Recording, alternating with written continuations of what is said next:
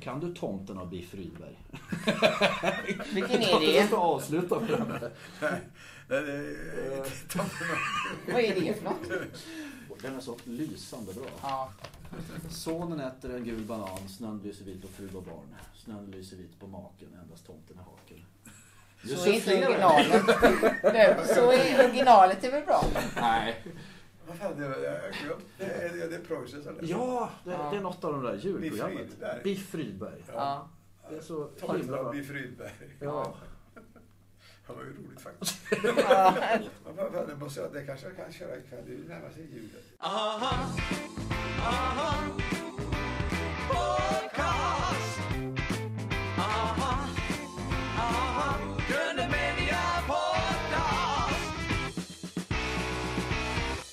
Eh, vad är humor för, för dig, Claes Eriksson? Vad humor är, ja. Ja, Samma, sammanfattat i en mening nu.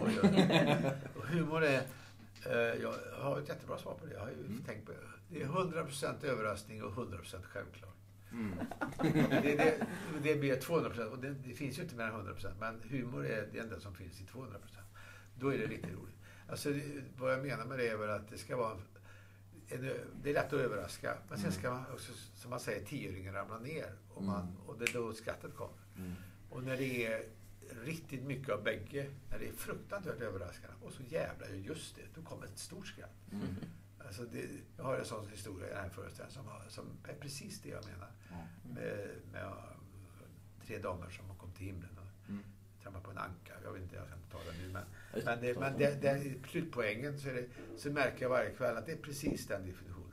Jävlar vad överraskad jag blir. Och sen tänker jag, det är ju självklart. Och så kommer skrattet. Så, och det pågår länge då när det blir, rikt- när det blir 100% på det. Det var kanske en te- teoretiskt svar. Ja, men... Essensen i det måste ju vara någonting evigt. Liksom. Eh, Även om man sett mycket färskvara. Det, Ja. Nile City funkar inte på samma sätt idag som det gjorde Nej, då. Men det finns eviga parametrar också som alltid har funkat på något sätt. Ja, jag, jag, tror, jag tror inte riktigt på det där. Alltså, I den finaste humorn finns det en sorts poesi som är inte färskvara, utan som är evig. Alltså, eh, jag kan ju se mina gamla hjältar fortfarande. Det är ju jag och jag är part i målet och så. Men jag menar att eh, det som, som du säger om eh, att eh, vissa saker sitter fast i tiden. Det är vissa, att vi har ju ett, I allt möjligt så har vi ett eh, jättestort medley om re- regeringen. Ja, eh, Som var fruktansvärt showstopper när det gick. Som är fullständigt omöjligt idag. Det, det är allt stendött. Ingen jävel kommer ihåg. Jag kanske något namn man kommer ihåg, Göran Persson i slutet. Men annars är alla, det är fullständigt eh, obegripligt. Och, och det är när man gör sådana nummer som sitter så starkt förankrade i den tid man lever. Dagsaktuell satir. Ja, precis. Då blir det ju väldigt svårt. Och om man inte, Karl Gerhard har ju lyckats någorlunda med att eh, med sin fina ordekvilibrism och sin fina diktion och sånt få det att leva lite längre. Men det, även om man inte känner till namnen så kan man ibland glädjas åt hans fina formuleringar och hans satirkonst. Men det är ju det är både och, ska jag säga. Det vi- 30-årsfesten hade vi ju ett jättebra exempel där vi gjorde nummer som, som var 30 år gamla. eh, De första där. En stund på isen till exempel. Den- Och som funkade alldeles utmärkt. Oh ja, verkligen. Eh, Så att det, det sitter ju inte fast i någon tid eh, på det sättet. Utan det är två gubbar som fiskar. Det kan de göra idag lika väl som... I den här föreställningen nu så, så har jag finalen från Skruven är lös. Mm. Som aktfinal i den här, min vardagsmatföreställning. Och den, är, den känns lika aktuell idag. Den är ju ändå politiska valsen, handlar om politik. Ja, Men, visst. eh, men eh, den funkar helt utmärkt.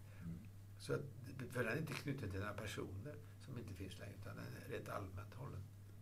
Så det där är en eh, knivig fråga. Men eh, jag upplever att vi, jag tror inte vi är tidlösa. Vi kommer också att försvinna i glömskan. Men vi håller kanske lite längre än många andra. Vi håller i längden, säger Ja, någon vi är roligast, ja, vi är inte roligast i världen, vi är roligast i längden.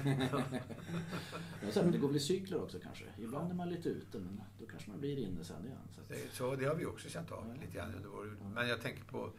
Eh, det är ju svårt, alltså det är, de här gamla hjältarna som Chaplin och de, de Mm. kanske inte... Eh, de kanske är på väg bort helt alltså nu. Man vet inte. Men eh, Ibland känns det så. Men det är, den de varade längre än många andra. Alltså som hela den halvan blev ersatt av Abbott och Costello på sin tid. Det är ju ingen som pratar om Abbott och Costello. Det, det, det, jag har alltid blivit förbannad på det för jag tyckte de var jävligt misslyckade Ja. redan när de kom. Men de var ju, de, då tyckte alla att de var roligare än hela den halvan Mm. på 50-talet. För det Mm, var, då mm. var hela den halvan, då hade de varit på för länge. Mm. Men nu, nu är ju hela den halvan klassiker med Abbott och Costello. Ingen- Det är ingen som kommer... Nej. Nej, nej, inte samma... Det, är- det är ju, var ju bara en vet inte, jag bara fick upp det här komikerparet Nio Trummor Reale, men det är nog en Galenskaparnas sketch. Det vet inte jag jag trodde vi skulle säga komikerparet Nio Trummor... Ja, du har sagt det Claes vid något tillfälle, men jag, Ja, vi glömmer det för jag kan det inte jag placera det. Det tror jag är Alan pratar. Ja, just Han det. pratar om vad roliga de var. Han, han det. sett dem i sin ungdom. Ja. Men hur, ser du på humorutveckling idag då? Eh, Känns det som det är viktigare idag att väcka uppmärksamhet? Liksom skaka om på? Ja, jag ser på det med blandade känslor. Jag, jag, du nämnde ju Per Andersson som jag tycker är en Ja. gudabenådad komiker. Ja. Och han, nu vet jag inte om han tillhör det nya gardet längre. Han har på tillräckligt länge för att hamna i medelåldern. Ja, gud ja. Ja. Men, men, jag- Så att eh, han är ju fyllt 40 för några år sedan. Så att, och likadant Henrik Dorsin som jag också Mm. håller högt. Mm. Men, men, men jag kan tycka ibland att den här stand-up-vågen Mm. har gjort, eh, har gjort mycket gott kanske för humor. Men inte, Mm. Hundra, inte bara det, utan den har Mm. också förenklat det hela väldigt. Eh, på det sättet att den har tagit bort den här finaste ingrediensen som jag ser i humor. Det, och det är utsattheten. Mm. Eh, alltså, och då har vi ju... Jag, vad jag menar med det är att den, riktigt fina humorn, som jag tycker håller högst, den har det här lilla poesiinslaget. Mm. Så det låter väl väldigt pretentiöst att säga det, men det tycker jag finns i bergsbestigarna. Ja, alltså att, Ja. och du kommer in och ser ut sån och ställer upp det så Mm. och inte är rolig. Då är du helt, då är du så jävla pantad du kan vara. Mm. Det, det är ju så fullständigt misslyckat. Mm. Mm. Alltså det, det är jag med utsatt. Det, du står allra längst ut på branten. Mm. Ramlar du ner där så är du ohjälpligt förlorad. Ja, Men en, en stand-upare kan alltid, han så kommer in lite fräck och kör lite skämt. Han kan alltid backa, rädda, fixa, säga något annat, byta spår. Så, det, här, nu funkar inte bankskämten nu, ta ta lite Mm. eh, skämt om eh, Mm. det istället och så vidare. Sårbarheten liksom. Ja, sårbarheten, det är den jag Eh, menar. ja, När ja. den känns, Mm. när och den, och, och, för då, då blir det inte... Det är lite det jag menar, som kan, kan vara det som Mm. gör att vi har varit lite längre. Jag säger inte att vi kommer vara i all evighet, men Mm. att vara lite längre kanske än många andra. Mm. Att vi jobbar i första hand, detta är ju då en egen analys, Mm. Högst subjektiv, men vi jobbar med, eh, alltså, inte med punchline-baserad humor, utan med eh, inlevelsebaserad humor. Alltså Mm. publiken lever sig in i det. Mm. Och då får man inte skratten på, exakt på samma ställe, utan då får man dem hela tiden. Lite. Mm. Då är det en sorts, Mm. det är en sorts eh, komisk situation. Mm. För de, när det kommer in två gubbar som ser ut som världsbestigare så lever sig, är detta? Hur i helvete? Mm. Man, blir inte, man undrar vad ska det här bli av detta? Mm. Sen kan man också sätta sig bak och säga, "Fy fan vad dumt. Kan man, Mm, säga. mm. Så man, är, man är inte mottaglig för det. Men om man låter sig bli det Mm. så, så sitter man inte och letar efter vad är det roliga här utan man ser det roliga hela tiden. Och det, Kanske. det, är, Mm. det är någonting annat. Och det är lite så, eh, det, det vi pratade om förut med våran Mm. lite långa timing, alltså med pauser och sånt. Den, Mm. den bygger också på inlevelsebaserade. Att man lever sig in i, vad ska han svara nu, den andra? Och så, man, när man väntar och så kommer svaret och så är det inte riktigt som man har tänkt eller det sägs på ett annat sätt. Eller, Mm. eller också är det det och det går bra det också. Mm. Beroende på att man gör det rätt. Mm. Och det, det, det var det som jag menar egentligen är, Mm. eh, alltså apropå dagens humor, att den, den finns inte riktigt i samma utsträckning. Den finns i lokalrevyerna, där jobbar de ju Mm. eh, med utklädning och ställer ut sig och Mm. har lite sånt. Men, Mm. men, men det kräver sin man att göra sånt. Mm. Det kan också bli... Det är ungefär som man, många säger, jag hatar slapstick. Mm. Det, det fick jag höra när jag gjorde mina första filmer. Mm. Många, det var ju så jävla ute det kunde vara. Mm. Men då menar jag att ja, det kan, men man kan inte hata en hel genre. Det finns jättebra slapstick. Mm. Titta på, det finns åtta minuter Buster Keaton på Mm. YouTube. Mm. Det är inte klokt bra. Det är så in i helvete Ja, bra. ja. Och det, det är slapstick i sin bästa form. Mm. Och, så att det, och det gäller allting. Det finns, det, man kan inte säga att jag hatar film. Nej. Man kan, det finns dåliga filmer, 95% av filmer är kass, men sen finns det några bra. Mm. Och då är, då, då är de bra. Mm. Så att det, allting har det, har, det, det handlar om hur det görs. Ja, Och, och eh, d- därför så... Eh, jag, jag tycker att stand-up-vågen har gjort... Eh, eh, jag är inte emot den på något sätt. Mm. Den har ju gjort att många har kommit in. Mm. Men det är alldeles för många som kallar sig komiker utan att ha... Mm. Men det är någonting som är... Det, är det finaste jag vet. Mm. Jag, tog, jag, jag har aldrig kallat mig komiker förrän nu då när man snubblar över komiker överallt. Mm. Mm. Så då kan, jag, då kan jag till och med känna att då får jag väl också vara komiker. Men när jag började så, Mm. komiker för mig det var Charlie Chaplin, det var Buster Keaton, det var Tommy Cooper, det var Victor Borge. Ja, Det var de här stora. Jag, jag var inte i närheten. Det var knappt Hasse och Tage var komiker. Mm. Mm. Eh, Eller på Ramel. Nej, utan det, det, skulle vara, det var så fint så att det, det tar jag inte i min mun. Mm. Men sen plötsligt så var alla komiker och tänkte Mm. att då får, får väl jag också vara det. Mm. Men eh, det är en svår fråga det där. För att man vill inte vara...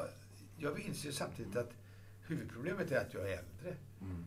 Ja, när du frågar om dagens komiker. Jag är inte målgruppen längre. Mm. Och jag skulle kunna vara storsint och säga att jag tycker de är roliga. Jag tycker den och den är kul och så. Mm. Jag, tyckte, jag, jag såg ju 45 minuter Magnus Bettner Mm. som jag ett tag tyckte var en jättebra komiker utan att vara rolig alls. Mm. Och, och, Mm. för han, han har väldigt sylvassa grejer att prata om. ja, ja. Ja. Skarp och skarpsynt Ja. och... eh, Men han, han saknar ju den här lilla komikern. Han har inte funny bones, han inte, Mm. som Per Andersson har. Mm. Eh, Och han, alltså det blir inte komiskt så fort han kommer in på scen. Utan Mm. han, men eh, jag hade inga problem med att titta på det för jag tyckte det var väldigt, väldigt bra. Mm. Fast jag skrattade väl inte jättemycket. Men jag, ibland till och med skrattade. För jag, jag tyckte han, var, han blev bättre när han inte hade det där skalade huvudet. Han hade skägg och han, Mm. Mm. han ser lite vänligare ut. Ja, Det. Vänligheten och värmen är ju en vik- viktig aspekt Ja. tycker jag. Det du pratar med tycker jag kan handla om liksom lite inkludering eller exkludering. Ja. Inkluderar du publiken? Ja. Nu tänker jag på det här. Många gamla Göteborgskomiker ser man ofta så här. Men det är ju någonting i den där gesten. Liksom. Ja, eh, det är ju en inkluderande gest. Liksom. Och idag kanske lite mer ja, det är lite så. eh, exkluderat. Liksom. Ja, det kan, vara- det kan ligga Ja, något i det. Absolut. Sten-Åke var ju också en sån. Sten-Åke Cederhök. Ja, Han var ju sån lite inkluderande. Så. just det. Mm. Eh, samlar du själv på att, att, autografer? Nej, det har jag faktiskt inte gjort. Jag fick ett autografblock när jag var liten och jag har en autograf i den. Och det är mål, målvakten i Elfsborg. En väldigt, lång autograf. Ja. Han heter Ingmar Haraldsson och han heter, ingen vet vem han är. Han, han stod i B-landslaget en, en match. Ja. Han var på Trollhättans fotboll. Ja, jag var liten och då fick jag hans autograf. Men jag, jag, har inte, jag har inga autografer på det sättet. Nej. Du kommer att få skriva dem sen tror jag. Jaha, Eh, Det har du gjort en annan gång tänker jag. Vad är det bästa med Kerstin Granlund? Det är Jakob Thomas. Ja, det, det tror jag. Ja, ja det, eh, det finns mycket som är bra med Kerstin Granlund. Hon är, hon är otroligt eh, eh, noggrann Mm. och har en extremt hög självkritik. Mm. Alltså egentligen är den så hög som vi skulle aldrig blivit artist. Mm. Jag brukar säga att artister är egentligen bara folk med dålig självkritik. Mm. Det som inte var bett på att fatta att de skulle gjort något annat istället. Men eh, det kanske är att hårdra det lite. Men Kerstin tillhör de som eh, är försiktig och vill verkligen att det ska vara bra. Och eh, är väldigt noga och lär sig allting jättenoga. Och har varit, alltså, det kan låta som om hon kanske skulle värja sig mot att jag beskriver henne som präktig och redig och duktig. Så här. Mm. För som de här vissa i klassen i skolan så Mm. lärarens favorit och så. här. Mm. Jag gick inte i Kerstins klass, jag vet inte Mm. hur det var där. Men, men jag har alltid upplevt henne som otroligt lojal och, eh, Mm. eh, och eh, när man ger Kerstin någonting så vet man att det kommer att bli jättebra förvaltat. Mm. Mm. Så att, och, och sen, sen har jag väl, ja det är väl det bästa. Det är Mm. jättemycket som är bra. Så, ja. Måste hylla hennes, hennes skådespelarinsatser i Monopol och Casinofeber. Mm. Där måste jag säga hon blommar där. När hon sjunger, den där, när hon sjunger Ja. den där låten, Ja. eh, om, att om man sjunger så har man ett ansvar. Ja. Och inte, och inte prata skit. Alltså när, när hon toppar korven, du vet. Sluta När hon toppar ner bokstäverna i korven. Den, eh, Sluta sjung. Sluta sjung. ja, den är ju jätterolig. Apropå, apropå eviga texter som tycker jag fortfarande håller. Det är från de Monopolen va? Ja. Hennes låtar där i Monopol Ja. är bara... Hon är liksom... Det är ditt samvete. Eller alltså... Ja. Hon är mitt... eh. Den pekpinnen som talar genom Kerstin där lite grann. Eh, Även kanske... Men kanske den när hon sjunger, Ja. de, den när hon sjunger om den mannen som eh, hon blev olyckligt kär i, i refrängen. Jag blir kär- i sticket. Ja, vi blev kära i refrängen. Ja. Um, Ja. Ja, men, ja, de var, det var verkligen så. Det var mitt, eh, jag fick sagt mina, mina sanningar där. Ja. Alla ungjävlar ska ju nu för tiden bli artister. Ja. ja, den är. Det lyser ganska tydligt. Ja. Jag tror jag var men, men, men även bara så här, eh, hur Monopol börjar. Ja. Eh, Ja. Kerstin sjunger och det är liksom så totalt Ja. liksom, eh, Och så flyttar, och så från- flyttar hon Ja. sig så texten Ja. kommer där och så. Det, det, har du, det, det, det har du Kerstin i nötskal. Det, jag Ja. tror det var väldigt få som hade klarat det. Hon är otroligt bra i filminspelning. Mm. Alltså tekniskt. Man visar henne hur hur det ska stå för att vi skulle göra förtexterna. Mm. Och vända sig mot kameran och inte och sådär. Det gick på en tagning och var suverän. Ja. Och den är ju jättekrånglig den texten. Ja. Den är ju tagen direkt ur en uppslagsbok. Ja, det. Alltså definitionen på monopol. Ja. Den är skriven från Nationalencyklopedin som en definition. Man kan, jag tror man kan följa med om man tar med sig den, tar fram den. Så kan man läsa, se att det är exakt den texten de sjunger. Och det är ju inte vanlig sångtext utan det är lite speciellt. Men det Står var... nationalentreprenörs... ah, Jag kan inte säga det. Står den där boken? Ja. Står den som medförfattare? Nej, på Stim? Nej. ja, där står, det står någonstans att den, eh, kanske inte i STIM. Trad R. Någonting då. Ja. Ja, Kerstin är ju, hon är ju inte med på scen längre, Nej. men hon eh, finns med i gänget i högsta Ja. grad och Ja, ja. eh, jobbar som regiassistent bland annat. här. Ja, jag har gjort det så några gånger. Ja, visst. Och sen är hon med på alla möten och företaget eh, Kulturduben är ju fortfarande. Mm. Mm. Så att vi har ju möte imorgon till exempel och då Ja. kommer hon att vara med. Hon är väldigt rolig i den här sketchen med ridspöet vid macken. Ja, ja, just När hon det. säger till honom att Jag den, den, ja, den tankar ju fel. Jag la i 100 kronor och den uh, tankar...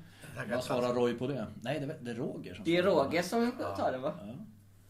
Ja. Kommer du ihåg det Jakob? Vad säger han? Jag, kan, jag får prata med Jan Rippe. Ja, du får prata med Adi. Ja. Du har kört en egen föreställning här i höst. Hur förbereder du dig för vardagsmat på Norringsbergsteatern i Göteborg? Ja, för, du menar varje gång jag ska spela eller menar du för hela projektet? Ja, du kan berätta fritt om projektet. Ja, jag. Mm. Eh, ja, det var väl att eh, det kommer ur att vi har ju drivit teatern sedan 1987. Och eh, då spelade vi tisdag till lördag och ibland söndag kunde man spela. Det, Mm. det var inte vi, men det var en bra teaterdag också. Mm. Det var bara måndag som inte var någonting på teatern. Mm. Men nu då så är det jättesvårt att dra folk på tisdag, onsdag Mm. och till och med torsdag. Så att, Mm.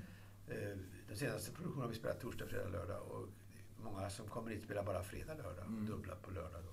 Mm. Tre, tre föreställningar i veckan. Mm. Istället för sex som vi spelade i början. Och det tyckte jag var tråkigt när man går förbi teatern en måndag, en tisdag, en onsdag. Står tom och öde. Mm.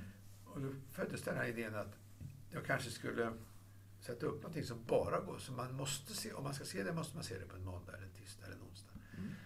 Och så eh, tänkte jag, om jag, för att de andra, vi hade ett litet projekt, eller ett större, ett större projekt kan jag säga, som jag presenterade förra, förra året i juni. Mm. Men, s- och som många andra var positiva till. Men så efter sommaren så hade Knut blivit lite, Mm. fått problem med sina hjärt. Krasslar. Ja, Mm. och eh, det var lite andra saker också. Min bror var inte så pigg heller. Mm. Eh, Så, så att det, det, lades på is Mm. och vi hade inget nytt projekt framför oss. Mm. Och så i, vi- då i mars i år så kom, tänkte jag på det här att, för då hade jag varit ute lite själv och, Mm. eh, bara på enstaka grejer och kanske kört en halvtimme med gamla grejer. Mm. Bara ben och filt i Madrid och några gamla dom. Tänkte jag kanske kan göra en blandning av nytt och gammalt. Mm. Inte så pretentiös och så här så. Mm. Så att ta teatern lever även på vardagen. Mm. Så presenterade jag projektet. Och det tyckte alla lät jättekul. Mm. Och så tänkte jag om jag bara är 4% så rolig som Roy Roger så kommer det att gå ihop. Ja. De hade 150 000 besökare. Om, Ja, jag, får, om jag får 4% av det, 6 000 alltså. Mm. Så, så kommer det att funka. Och det har lyckats. Nu har vi, Det är jag, över jag, jag, jag är på 7 500 nu. Ja, men Så det har gått Ja. eh, jättebra. Men inte, det har gått jättebra. Så nu spelar jag sista imorgon. Mm. Före, ny- före nyår. Sen blir det 12 till nästa år. Det blir en fortsättning i år alltså. Ja, det bestämdes nyligen. kul. Mm. Mm. Vi får se hur det går, men det ska vi göra. Mm. Så, så, så att jag har på hela sommaren och som jag nämnde kanske förut, eh, apropå skriva. Jag hade tänkt att skriva Mm. eh, mera nytt än vad det som Mm. hamnade i föreställningen. Mm. Men tyvärr har cisternen varit tom. Åh. Men med några få undantag. Mm. Så jag har några, så det har blivit några nyskrivna, men de är inte lika många som jag hade hoppats. Mm. Eh, Det är lite synd. Men det är det enda jag tycker är tråkigt. För sen har det varit en jätterolig, jätterolig föreställning. Mm. Oerhört enkel med orkester. Fem man. Ja, Anders Ekdahl och så Mm. eh, med våra vanliga ofattbara orkester som vi kallar dem för. Mm. Eh, Som är med. Och så, de är på scen hela tiden. Så man kan vända sig och kommentera någonting. Men det, alltså, det är väldigt avspänt. Mm. Och den har inte, den går väldigt fort att packa ihop och sätta upp. Mm. Så att den, Mm. nu när vi har Jonas Gardell här på helgerna så, så interfererar inte detta med varandra. Utan Mm. Den stör inte. Alltså den kan stå undanstuvad. Och sen kommer den upp då, som, som idag. Så riggar de den på någon timme. Mm. Och så kan vi köra två dagar. Mm. Så att, eh, och förberedelset för varje kväll. Det, får, det är väldigt mycket text. Det, är, det, jag- det jobbar jag hela tiden. Så att, Mm. eh, jag, igår så fick jag repa den hemma, hela, Mm. hela textmassan. Det tar ju mig två timmar då, Mm. är drygt. Och eh, då, då, får jag ta, då tar jag även låtarna och så har jag dem på ja, inspelade. Så. Hur regisseras detta? Är du din egen regissör? Eller, Ja, eller är- är, är Okivin inblandad på något sätt? Nej, nej, de andra är inte inblandade. Ingenting sånt? Nej, Nej. utan det är jag själv. Ja. Utan jag, jag, vi, jag, vi har varit väldigt tidiga med att spela in allting. Mm. Mm. Så fort det fanns video, eh, konsumentvideo Mm. så köpte vi det och hade, så vi bandat alla föreställningar med, med kamera. Mm. Eh, Sen har vi inte sparat alla, men vi har gjort det under årens lopp. Mm. Och nu har jag ju, det, så har jag jobbat här också. Så de, Mm. de, de här första repetitionerna, när vi inte hade publik och så, så har jag bandat dem och tittat hemma och så har jag regisserat på det sättet. Mm. Det är inte mycket att regissera. Jag, ser, jag vet ju, det är ju bara själv var jag ska stå och gå. Mm. Och Jag kan ju inte tala om för mig själv hemma hur jag ska göra för att vara rolig här sen. Mm. Jag får, jag får bestämma det i ögonblicket. Ja, Och filmar dig själv som regissör då, så tittar du på det. ja, När regissören ger dig... Ja. lite så. Men jag, det, det funkar Mm. så bra det kan göra. Hur känns det att stå där själv då, utan det här gänget? Eh, Nu har du gjort tre soloshower vet jag. Ja, det är två Eh, förut här. Hur var det första gången? Sådär, när du... Ja, det var, det var Utan- både och. Det var Ja. klart att det var... Jag var lite skärrad över eh, hur jag skulle hålla hela tiden. Att, Ja. eh, hålla variationer, hålla, komma ihåg texter och sånt. Men, Mm. men det, för det är ju en väldig eh, an, arbetsinsats en, kväll när man gör, har gjort en egen föreställning. Mm. Jämfört med nu, Mm. om jag tar min senaste produktion med mina kamrater då, så var det ju Macken. Mm. Och där hade jag ju ganska lite att göra. Mm. Jag var bärskund och så var jag den här Turbo som då Mm. eh, pappa till syntan och så. Ja, just det. Det var jag, han tjuven som ska sälja stereo. Så det var någon med bagageugnar och någonting. Du smög in i bagage, eh, en bagagerull där också? Ja, för vi vill ha fyra bagageugnar. Ja. För i, macken är ju den bärsa kunden. Just det. Du gör ju den här otroligt roliga ro- rollen i macken, den här nyrika personen som kommer in med gräsklipparen. Ja, just det. Som tror att det är en bil. Ja. Men han, han, Ja. han, eh, vi pratade om honom här, Jerker Löv heter han. Jerker det. Ja, han, eh, han skulle, men det var så stökigt att få med den. Ja, med, med, med gräsklipparen. Alltså, och då ska man ha eh, då måste den vara eldriven för annars blir det avgaser Ja, inuti. Och då ska det vara ett ljud på den. Och det, det var så jävla mycket bök. Och så ska han åka och få plats. Och, Mm. och så, så vi fick trycka den. Mm. Men det var många, så jag fick, jag fick faktiskt en del på genom varför, varför inte Hur kom du på den karaktären, alltså den sketchen? Det är lite parodi på Bert Karlsson faktiskt. Ja. Ja, men det är klart det är. Ja, Fast det, är inte, det är meningen att det ska märkas för tydligt. Men det, det är en sån gubbe som han är. Han, Jag, jag köper den här macken. Ja, just det. Ja. han är, det är lite, han, det, det är överbetet och Ja. Ja, alltihopa. Så att det är lite parodi på honom. är och det var inte sista gången. Nej. Nej, dyker upp där. det var inte gången. Han fick vara med en gång senare också. När blev du själv starstruck då? Blir du det? Jag tror det heter starstruck. ja, Star Trek. Jo, Men det har jag ett jättebra minne. Det var en intressant fråga. Den, den har jag aldrig fått. Nej. Men jag har ett jättebra... Det blev jag 1984 Ja. på, då vi spelade Träsmak på Cabaret och Tage Danielsson var och tittade på oss. Oj, här. Det här berättar Knut och jag om också. Ja. Ja. Och då, då, det var så jävla fint. Det var, vi hade en Ja. sån fantastisk period där. Det Ja. gick så bra allting. Och så efter våran show, och han, vi visste att han var i salongen. Och hade varit där och tittat tillsammans med en producent på svensk filmindustri Mm. som heter Valle Bergendahl. Mm. Eh, och eh, då satt man alltid efteråt och åt lite i, personalmatsalen, i köket. Det var lite, Mm. ett, ett skrymsle där. Mm. Man satt runt ett bord och så var det ett draperi bara, så, eller öppet mot köket. Mm. Och så satt vi där och åt och pratade och var glada. Och så plötsligt stod han i öppningen Ja. och hade med sig en flaska champagne. Ja. För de ville bjuda och tacka. Och han var så jävla fin. Ja. Och vi satt som en jävla skolklass och visste inte vad vi skulle säga. För där stod den Ja. fantastiska eh, Danielsson. Blir du nervös då? Ja, då, då, och jag har alltid förbannat det ögonblicket. För Ja. vi, vi hittade ingenting att säga. Så att vi var så jävla tagna av att han tyckte vi var så bra. Han tyckte Ja. det påminner om när de började. Någonting sånt. Så. Ja. Men jag, hade, jag har alltid förbannat det ögonblicket. För hade jag inte varit så jävla vördnadsfull så skulle jag ha sagt att kan vi sätta den en stund? Ja. Men det gjorde jag aldrig. Och han, och han, och han hade säkert gjort det för han kände han stod, han dröjde sig kvar. Ja. Men så kände jag att nu har jag sagt mitt och så gick han. Ja. Och, då- och då tänk om han sätta sig ner. Han kan det kanske en jätterolig kväll. Och det, men vi tyckte att allt vi kom på var för klent, för litet, för betydelselöst. För, för att säga till honom. För han var så jävla märk, Han var så stor. Tänk, är det någon ändå som hade kanske eh, som förstått den känslan så är det ju Tage tänker jag. Ja. han, ja, inte, men, men Det var så synd. Ja, för ja. sen, detta var ju bara ett år innan han gick bort. Så, så var det för sent sen. Så jag har bara träffat honom en gång och det var Ja. den gången. Ja, Och då, för sen träffade jag ju Hasse flera gånger. Och just det. Eh, då var man ju, det var, han var ju lika stor för mig. De var ju, för, för mig var de precis lika stora och fantastiska. Men mm. sen blev ju Hasse lite, i åren efter Tages bortgång, Mm. blev han ju lite eh, kritiserad. För han, ungefär som att det förstod vi att det var Tage som var den stora stjärnan. Ja. Eller hjärnan Ja, till och med. Och det var jävligt orättvist. Men det är det som. Kalle Lind tar upp i sin Hasse-biografi. Mm, Att han får verkligen upprättelse där, tycker jag. Mm. För att allt vad han gjorde och kunde som inte... Han gjorde saker utan tag. Han, Mm. han har ju tre Guldbaggar, Hasse. Det är lika många som Ingmar Bergman och Jan Ja. Troell. Och det är ingen annan svensk regissör som har så, för bästa film. Alltså så att... Både, det, Tage gjorde ju, han var ju regissör för deras filmer men han fick ju inga Guldbaggar. Nej. Men det Hasse däremot för Ägget är löst, i mördaren fast som Ja, vatten. Men, men i alla fall, det, det är den gången jag blev starstruck. Med, Mm. med Hasse så lyckades jag, då tänkte jag på det så jag ska inte bli så vördnadsfull så jag inte kan prata. Eller med Mm. Povel Ramel Mm. Mm. som jag träffade också. Mm. Då, då lyckades jag ställa undan den här värsta vördnaden så att det inte blir löjligt. Mm. För det är mycket roligare. att- För då vill ju vederbörande också. Ja. Han vill ju inte att det ska sitta någon bara till. Man får vara du med varandra. Liksom. Ja, ja, visst. Mm. Så, med Povel Ramel och Hasse Alfredson har lyckats ha ett mycket bättre... Men de träffade jag senare. Pratade du med Hasse om just det tillfället när du mötte Tage? Nej, det gjorde jag faktiskt inte. Det blev aldrig av. Ja.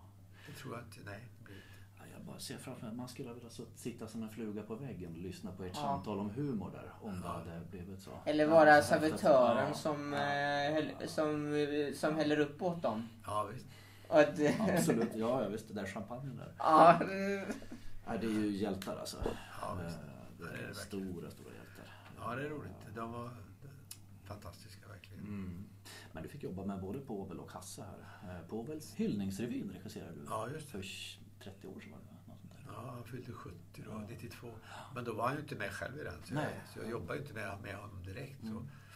Men eh, det var, ju, det var ju alla som hade fått det där stipendiet som han Mm. instiftade. Mm. Eh, Just då, det var tio stycken tror jag. Mm. Eller nio eller vad det var. Mm. Och så var det fyra gamla knäpp upp-hjältar. Ja, just det. Hasse Alfredson, Martin Ljung.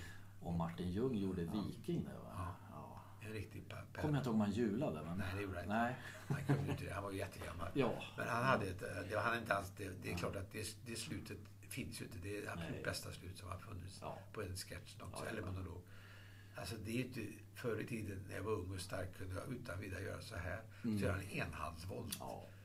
Det kan jag med tegelstegen under handen. Han var, och så säger han, det skulle jag aldrig kunna göra nu, säger han efteråt. Åh, så går han, alltså vilket jävla slut. Räknar med Martin Ljung som den första ståuppkomikern. Svensk, Sveriges första ståuppkomiker. Ja, han här. Ja. Han, var ju, han hade ju väldigt tydligt skrivna monologer. Så att, Ja. det här var inte riktigt... eh, och Han skrev ju lite själv, men inte, Nej. inte, han är med, tror jag, som upphovsman till Viking. Men Mm. det är Povel. Mm. Men, men det löjliga var att det, i den det, det ville jag ju ha med. Det Mm. kan man ju ta som en anekdot. Mm. När jag gjorde, jag fick eh, äran att eh, sätta ihop den här hyllningsrevyn till Mm. Povel. Så ville jag ha med den här gubben i loddan. Ja. Så eftersom Martin och, Povel, Po- Martin och Hasse var med Ja. i ensemblen. Ja. Så jag tänkte, under, det händer ju inte. Det är ju sista chansen att få... Ja. Tänk om de kan göra den en gång till. Ja. Och så, men då visade det sig att den hade inget med Povel att göra. Nej, det är ju Hasse och Tage som ska göra. Ja, men det, det är... Eh, Yngve- Yngve Gam- den, framförallt, den, inte, den har aldrig varit med i en knapp upp. Just det. Den var med, Jubelsommar. den var med i Karl Gerhard-revy. Ja. Jubelsommar. Ja. Gerhard eh, samarbetade med Knäpp upp Mm. och spelade på Ideonteatern. Mm. Åkte runt i tält också. Mm. På de somrar som inte Knäpp upp hade någon produktion. Mm. Och där var den med. Mm. Och Hasse och, och, och Martin. Och det visste inte jag då. Mm. För att, det fick jag veta då. För jag har alltid tagit för givet att, det var, Mm. att Povel var inblandad i den. Mm. Men det Hasse och Tage var med och skrev. Väldigt, skrev Ingvar Olsson framförallt. Mm. Eh, Just det. Den, är- Mm. den är deras. Mm. och Den är, den men den förvaltar ju Martin på bästa tänkbara sätt. Ja, apropå timing och... Ja, eh, det är fantastiskt. Men eh, det, så det blev aldrig så. Det är jag Mm. lite ledsen för. Men nu är det, som Mm. sagt, nu är det för, för länge sedan. För sent. Ljuvligt att få göra den här. Det var fin scenografi där också. Det var Rolf Hallmans scenografi. Ja, Så här, Det var ju så kryllade av spännande spelplatser. Ja, just det. Det var Ja, en eh, takåsar. Ja. Så var det visst, så var det en himmel som var påvel som sol och måne där. ja. Det var lite, Mm. Den var välgjord. Mm. Det var ro- roligt att göra det. Aha, aha, podcast. Aha, aha, Grönemedia podcast. Gillar du Monty Python? Det kan man väl säga. Ja. gör, gör du också? Ja. Ledande fråga här. Ja. Jo då, men det är ingen tvekan. Jag har till och med, jag vill inte på något sätt göra mig märkvärdig så, men innan Monty Python så såg jag ju de här föregångarna. Don't, Don't Adjust Your Set fanns ett, som heter Rör inte knappen på svenska. Mm. Som var egentligen ett barnprogram, men där alltså både Terry Jones, Michael Palin och Eric Idle var med. Mm. Och så såg jag ett Last 1948 show med John Cleese och Graham Chapman och Marty Feldman. Ja. Mm. Och de här, det var, så det var en, en otroligt kreativ mylla på BBC. Just, de här kom ju 66, 67. Sen kom ju Mon- Monty Python 69. Mm. Så om någon, i kölvattnet av de här olika serierna som inte är lika roliga som Monty Python, men som Mm. har såna, den här sketchen när de sitter och pratar om sin barndom, om Mm. minns. The Yorkshire Men, Gentleman heter den, tror jag. Mm, mm. Att den som hade värst barndom. Den är ju från At Lost 1950. Ja, det kommer från... Ja, den, den har lite- John ja. John Cleese och Graham Chapman skrivit. Och den görs av Mart- Marty Feldman och, Mm. och eh, eh, en Terry... ja, vad heter han? Det- Jones? Nej, inte Terry Jones. Utan det är en, en som var med i The Goodies sen. Som, som jag inte kommer ihåg heller. vad heter. Terry Hughes? Nej. Nej. Nej, det? kanske inte Terry. Men, han- Terry Gilliam? Nej, inte Terry Gilliam heller. Utan det är en som inte var med. Han, han är en liten snäll, han har ett snällt utseende med en liten... Han var med i en tv-serie som heter The Goodies. Eh, Men han heter... eh, Den korte. Ja, lite kort, snäll, vänligt utseende. Han var med i den sketchen. Eh, Ja, men gud vad hette han då? Ja. Han... Åh. Men det- utav de här fem plus Terry Gilliam då, som hittade jag, som var från Amerika, men som var ju i Mm. London då. Så satte de ihop det här kollektivet. Mm. Någon från BBC som kom på att kan inte ni göra någonting? Det var just det här Ja, universitetsvärlden som förenades Ja, lite. Ungefär är- som Hasse och Tage och Spexen här i Sverige. Ja, det Ja, vi har väl också en sån bakgrund delvis. Mm. Alltså studentkår, det är någon sorts akademi, akademiskt. Mm. Fast det är, det är både högt och lågt. Mm. Buskis och Mm. eh, ja, lite tjusigt. Sådär. Mm. Eller tjusigt är det inte, men det är lite akademiskt. Så det kommer, så det är, så att man då, när det kom då så var jag väldigt förberedd. Så jag såg första programmet och tänkte detta är ju fantastiskt. Mm.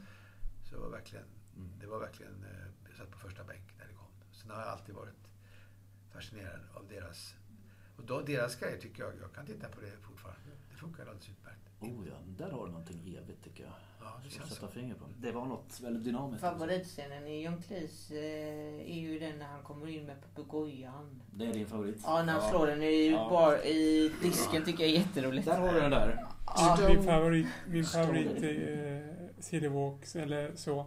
Kan, kan, kan Claes göra så som John Cleese? Nej, jag kan tyvärr inte det. Ja, Han, han är ju, han, han, I sina kraftdagar var han ju hysteriskt rolig.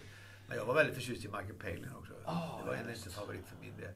Han, han, I den The Parrot Sketch, eller Papagoj-sketchen, Ja. så är han ju han är så jävla bra där, Michael Palin också. Ja. Alltså, så jävla Ja. nonchalant. Den med timing där alltså. Riktigt. Men där säger han ju att han är hämtad från en bilverkstad. Ja, den sketchen. Ja. Ja. Idén kommer från när han, att Michael Palin hade sin bil inlämnad. Ja. Så på, och så var det, hade de en sån gubbe som, han erkände ingenting. Så flyttade de det då till en Tycker jag känner igen konceptet här. Den har inte det, är jag man, sett. det är dit man ska gå. Alltså. Den har inte jag Ja, sett. Ja. Ja, därför, det, det finns ingen sketch om Nej, det finns inte. det är Ja. en Men, men, ja, Ja. det, på riktigt alltså. han Ja, så de har verkligt... Ja, på, I verkligheten, han lämnade in till bilen så var det en gubbe där som, det var alla fel som fanns, men han erkände ingen.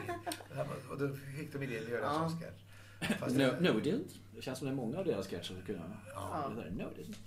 Ja, emot. man får ju ibland, eh, naturligtvis hämtar man inspiration från Ja, verkligheten. Det är ju, och jag kan ju säga personligen så får jag jättebra service på alla bilder på verkstäder fortfarande. Se där. Tack vare macken. du kommer inte med barkisar så här. Nej, det behöver jag inte göra. Det går så bra, det går så bra ändå. Vad tänker du inför framtiden här då? Nu blir det mer show eh, här i vår. Ja, det, blir ju, Mm. det, är ju, det är ju 12 föreställningar. Det är mycket på ett sätt, men det är utspritt ända fram till, från januari till april. Mm. Så det är några då och då. Så det är, lite, det är inte, Mm. det är inte som när vi brukar spela in en, eh, 8-10 veckor och så är det Mm. varje vecka. Mm. Utan det är lite utspritt. Mm. Och det, det, jag tycker det, nu har jag ju provat det i höst. Och Mm. det jobbiga med det är att jag måste få hålla manuset vid liv. Så jag måste repa hemma och det är så jävla tråkigt. Mm. När man har, verk- Mm. Framförallt när man har sjösatt projektet Mm. och är van vid att ha publiken. Mm. Så det är så oerhört tråkigt att bara rabbla text Mm. och inte få någon respons. Sen, men det måste jag göra det för att hålla rösten igång. Ja. Så måste jag göra det så högt jag kan, alltså så, på samma nivå som jag gör här. För att eh, annars jag pratar så lågt privat. Så om jag låter den få vila för länge så blir jag hes direkt när jag ska Mm. börja Mm. spela. Så det är inte bara att komma ihåg texten utan även att träna upp stämbanden. Mm. Så det var därför igår fick jag stå och skrika hela, i två timmar hemma i, i jag har ett litet, rum i lägenheten där jag repar. Jag hoppas inte grannen var förtvivlad. Men jag har inte hört något. I kontrast till Knut då, som jag har förstått. Han behöver ju ingen mick, känns det som. Nej, han har ju en stark röst. Ja, men, ja, min röst är rätt okej när den väl har fått jobba men på scen. Så här. Men jag, Mm. vi har ju mickar allihopa så jag vet inte hur vi skulle stå oss utan. Ja. utan det har vi inte provat. Nej. Eh, Din fru är producent. Eh, Hur funkar det? Ann Otto här då. Hon Ja. har varit producent här ganska länge. Ja.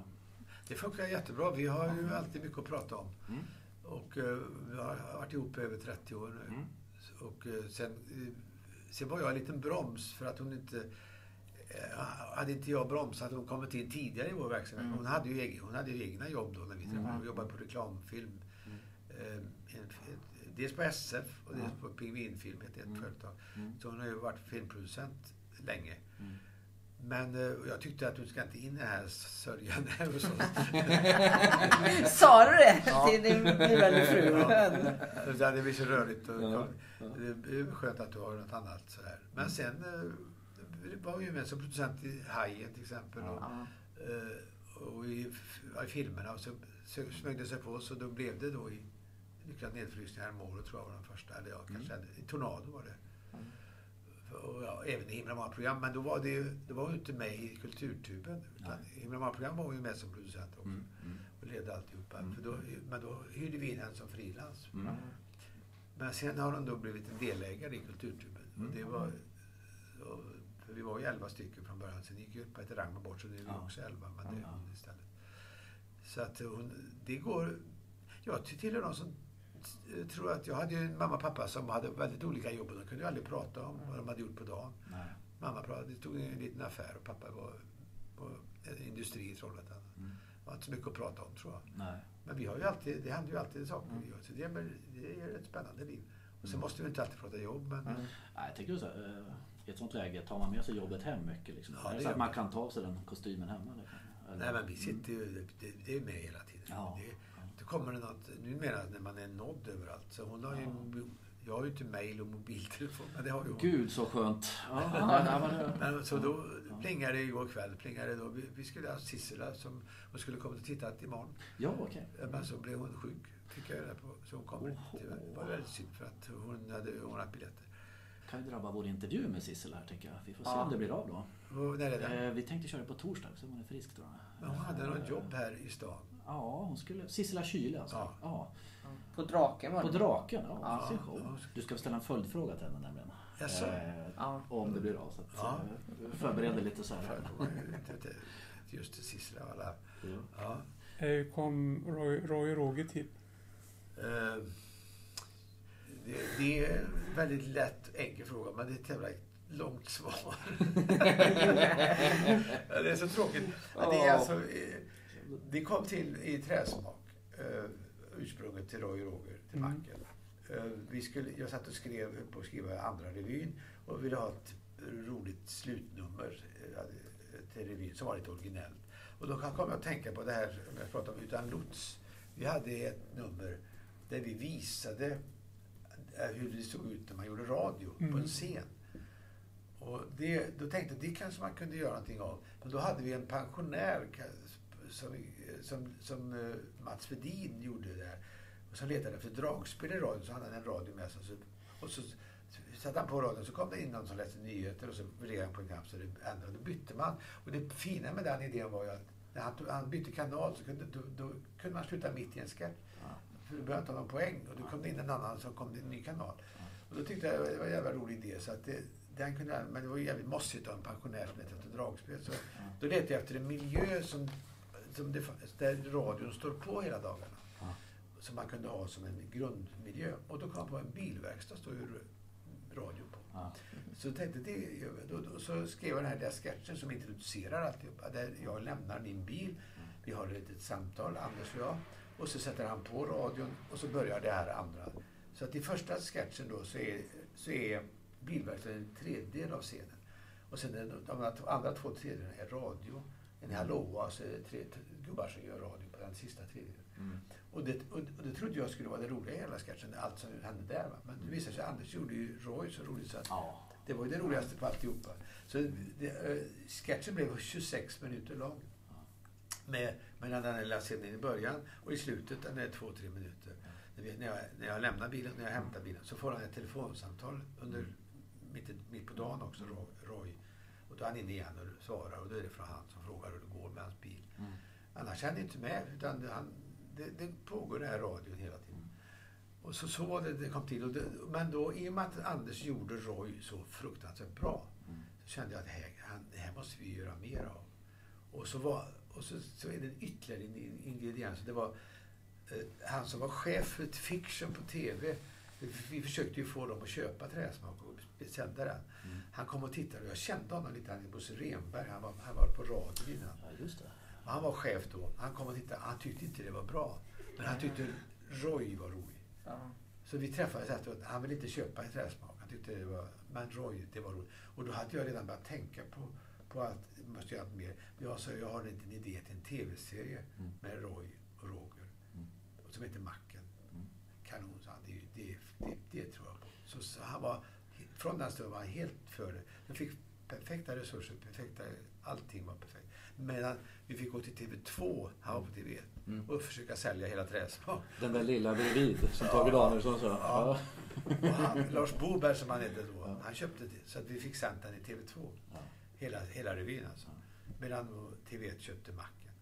Och det var så, jag, så det kom till. Men där hade du en, en medregissör. Ja, i, i Macken ja. Var- P.A. Norell. Ja, Mm. vad du påläste verkligen. Men det var, det var bara för att det, jag hade ju aldrig gjort film eller TV Mm. då innan. Så att, eh, han sa det att för att då kunna... Du behöver någon, någon eh, som har jobbat här på TV som Mm. kan kommunicera med teamet. Mm. Eh, Och då har jag en jättebra kille som heter P. Norell. Mm. Och gör så att ni går ut och tar en middag tillsammans och så kommer tillbaka och ser om det funkar mellan er. Det gjorde vi. Träffade, hade jättefin kontakt. Mm. Mm. Och jag sa, det är perfekt. Och vi fick en jättefin kontakt. Så vi delade på regiansvaret. Jag hade väl, i och med att vi repeterade i flera veckor här i Mm. Göteborg, det har vi aldrig gjort för, för något annan film eller TV. Mm. Men vi torrrepade utan kameror och sånt. Mm. Då hade jag väl i stort sett regiansvaret Mm. för personregin. Men han, han hade kommunikation med teamet, var kamerorna skulle stå och allt det där. Mm. Mm. Som jag inte kunde så mycket om. Jag visste Mm. inte hur tv-produktion funkar. Jag hade, Mm. jag hade sett det. Så då var han... Så, vi delade på regin så han, var, ju- han kunde ju lägga sig i även spelmässigt så, men den hade jag ju största ansvaret för. Mm. Så att eh, det var därför. Mm. Just det. Ja, den är ju otroligt väl, Ja. väl planerad, disponerad. Ja, det var, vi hade ju repat, repat jättemycket Mm. innan så att vi var väldigt förberedda. Mm. Mm. Ja, det är en solklar klassiker. Ni har ju satt djupa avtryck och vi är otroligt tacksamma för det. Ja. Ja. Hemorrojd, Claes. Nej, jag kan Får man ta en liten Nej, bild? nej, nej. Var det likt? Ja, jag ska säga. Får du ta en liten bild här då? Hej, hej, det, det, är lite Roy. Hej då, Macke. Vi ses imorgon. Ska vi köra dem där? Så nära man kan är, komma. det är Anders. Jag brukar säga att han har... Det finns två sorters Trollhättedialekt. Mm. Han har den offensiva nasala som Ja. ligger på.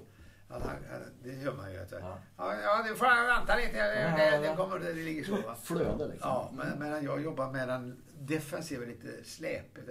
Om vi åker ner till Tjörn i helgen, husvagn, sen får la- frugan laga god mat och sen får vi se om, vi, om Berntsson är där så kan vi spela lite badminton med dem. Och ta med den gula datsun där ute. Ja. Det, det är den, han, han pratar ju som turbo. Den gula datsen där ute, han vinner Det, är- det är en annan typ av, de, de som jag, när jag jobbade på terrorlegeringen i Trollhättan Ja. 1970, då, då hade vi en sån prat alltså. Och då, där finns den repliken som, han säger, då skär växellådan snart. Ja. Så där, där, jag hade köpt en hundkoja då och kom dit dagen efter en ny bil alltså. Ja. Och hur långt har han gått? 6000 meter. Då skär växellådan. Det var så jävla tråkigt. Jag var, så, jag var ju så här glad. Ja, då var han ner direkt. Det ser du inte. Ja, det är så genialt det där. Det ser du inte.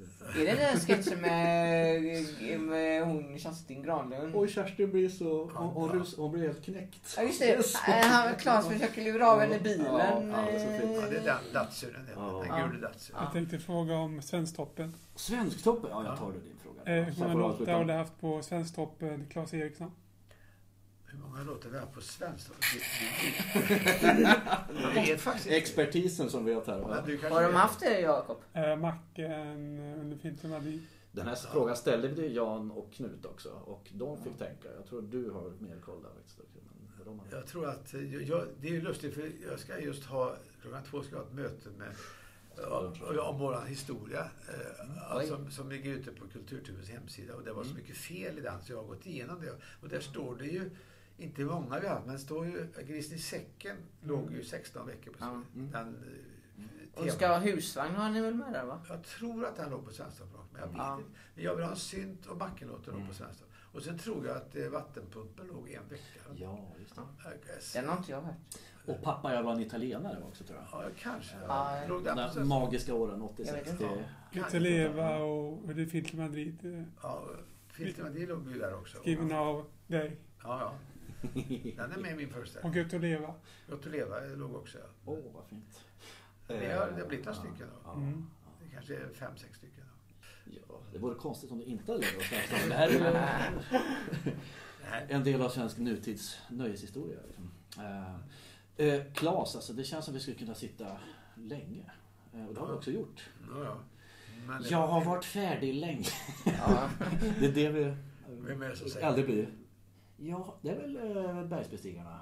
Jag har varit färdig Ja, länge. det kanske är. Ja. Jag kommer inte ihåg det. Jo, men det, det ja, jo, det är så. Jag andas. Där var det. Eh, men vi får nästan avsluta Ja, gör och ta fem snabba. Du och jag Eh, ska vi göra så? Vi har fem snabba. eh, Ja. Och det innebär att man svarar bu eller bä. Eh, ner tum och reale. Så här kommer fem snabba med Claes Eriksson. Fem snabba. Eh, Charlie Chaplin eller Harry Lloyd. Charlie Chaplin. Monolog eller dialog? Monolog. det var svårt. Man får passa också. Ja, göra. ja. Hajen eller Leif? Leif. Allan Preussen Lasso, han som har saften i hobbyprogrammet. Och även hårvård ska sägas. Hårvård. I uppföljaren. Ja, det är nog Allan Preussen faktiskt. Mm. Även om jag är väldigt förtjust i Lasse också. Ja, den är fin. Skriva med penna eller skriva på dator? Med penna. Det är så? Ja. Har du en sån här, så här dyr... Sån här. Pen. Jag har, eh, det kan jag visa. Har- Jan Guillou gick ut offentligt med en efterlyst när han hade tappat sin kulspetspenna. Det fanns bara den. Ja. Ja, det är en så, det är just pennan utan blocket. Ah, titta! Ja. Ja. De här blocken. Men titta! Det här är, det här är september 18. Mm. Alltså, eh, det var så här att jag eh, har alltid skrivit alltså, jag i, var i tonåren på sådana här block. Och, Men då be- hittade jag de här som är limmade i kanten, inte kollegieblock. Ja. Som, eh, för att de, de fastnar alltid i tröjan. Ja, det och då tyckte jag de här var bättre. Ja. Men så var jag på Wettergren så köpte då och då Mm. sådana här. Och då sa de att de har slutat tillverka. De hade ska sluta tillverka dem. Mm, mm. Och då blev jag så Mm. eh, orolig så att jag eh, tänkte, så, vem är det som gör dem? sa jag. Och det vet jag, men en firma i Småland. någonstans. Då, då, då beställde jag Mm. eh, och då räknade jag ut hur många jag behövde under hela min livstid. Mm. Detta var 1990. Åh! Och jag tänkte att jag är slut på fem om, om året Ja. på den tiden. Eh, För jag skrev väldigt mycket. Ja. Så jag beställde då så att det skulle räcka fram tills jag var 80 år. Ja. Jag tänkte efter det är det nog inget att fundera på. Ja. Och så fick jag ett antal kartonger som står i källaren nu. Men numera så gör jag inte slut på fem om året så att jag får skriva tills jag är 130 år. För att göra slut på mina block. Det hoppas vi du gör, Claes. Jag hoppas jag blir Eh, 130. Tycker det är ett löfte? Ja. Alltså, Du får bo i Georgien och äta yoghurt, Där blir de jävligt gamla. Jag ska tänka på sånt. Men detta är, Ja. så, det, Så det här är de gamla blocken som har funnits med alltid då? Ja, jag har, sen, sen den, då, då gjorde jag Klokt. min lilla logga till min Mm. lilla firma. Mm. En ganska bra firma trots allt. Mm. Eh, så jag satte på det så att jag skulle känna dem. Och så skriver jag alltid när jag börjar använda dem. Mm. Så, och sen så, eh, pensionerar jag, när de är fulla då, så, så sparar jag för att det finns alltid några sidor kvar. Ja.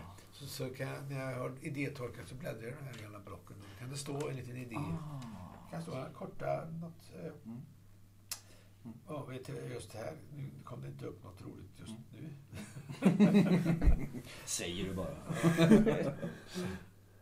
Ja, eh, det är i alla fall. Men vilket, eh, vilket bibliotek alltså med de här. ja, ibland är de ju väldigt urplockade för att Ja. eh, jag river ju ur. När jag, för när jag skriver, skriver rent så river jag ur det. Ja. Och så förr skickade jag det på fax till Lena här så skriver jag Mm. ut det. Mm. Och, och, sådär. Eller också så sätter jag i en annan pärm när det är färdigt. För jag skriver om och om igen Mm. och så skriver jag till slut rent. Mm. Och då är det den färdiga versionen. Då brukar jag ta ur de sidorna och sätta i en annan pärm. Så det är fortfarande för hand? Du har inte gått ut i dator? Liksom. Är det någonting som skulle gå förlorat liksom, i känslan? När man...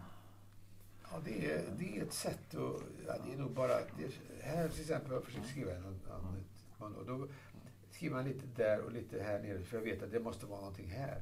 Men det vet jag inte vad det ska vara. Då skriver jag här, här i alla fall Mm. för att det ska vara plats för det. Mm. Och sen blir det längre och då får jag göra pilar. Det blir, det blir, men det är ett system som jag Mm. förstår mig på. Mm. Och det funkar.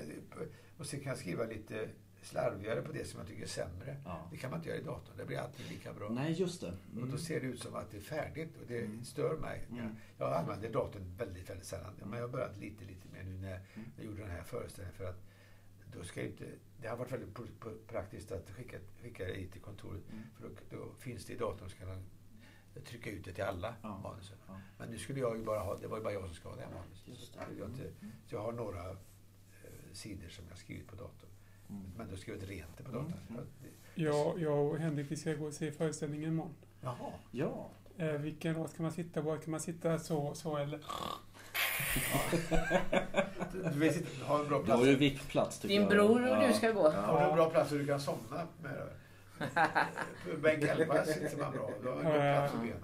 Anders Ekdahl spelar piano och du sjunger under Finter Madrid, Politiska valsen, Piff och Paff. Det görs alldeles för mycket musik. Här då tid för fan. Ja. Eh, Jag tror inte du kommer att somna. Du kommer att sitta och rätta. Med- Här har du en sufflör. Liksom. Ja. Då har vi följdfråga från Kim och Rajala. Claes Eriksson, oj Ja. oj oj. Vad skulle det vara? Det skulle kunna, ja, jag skulle fråga honom att Claes, när tänker du bli lika rolig och humoristisk privat som du är, är på tv och film?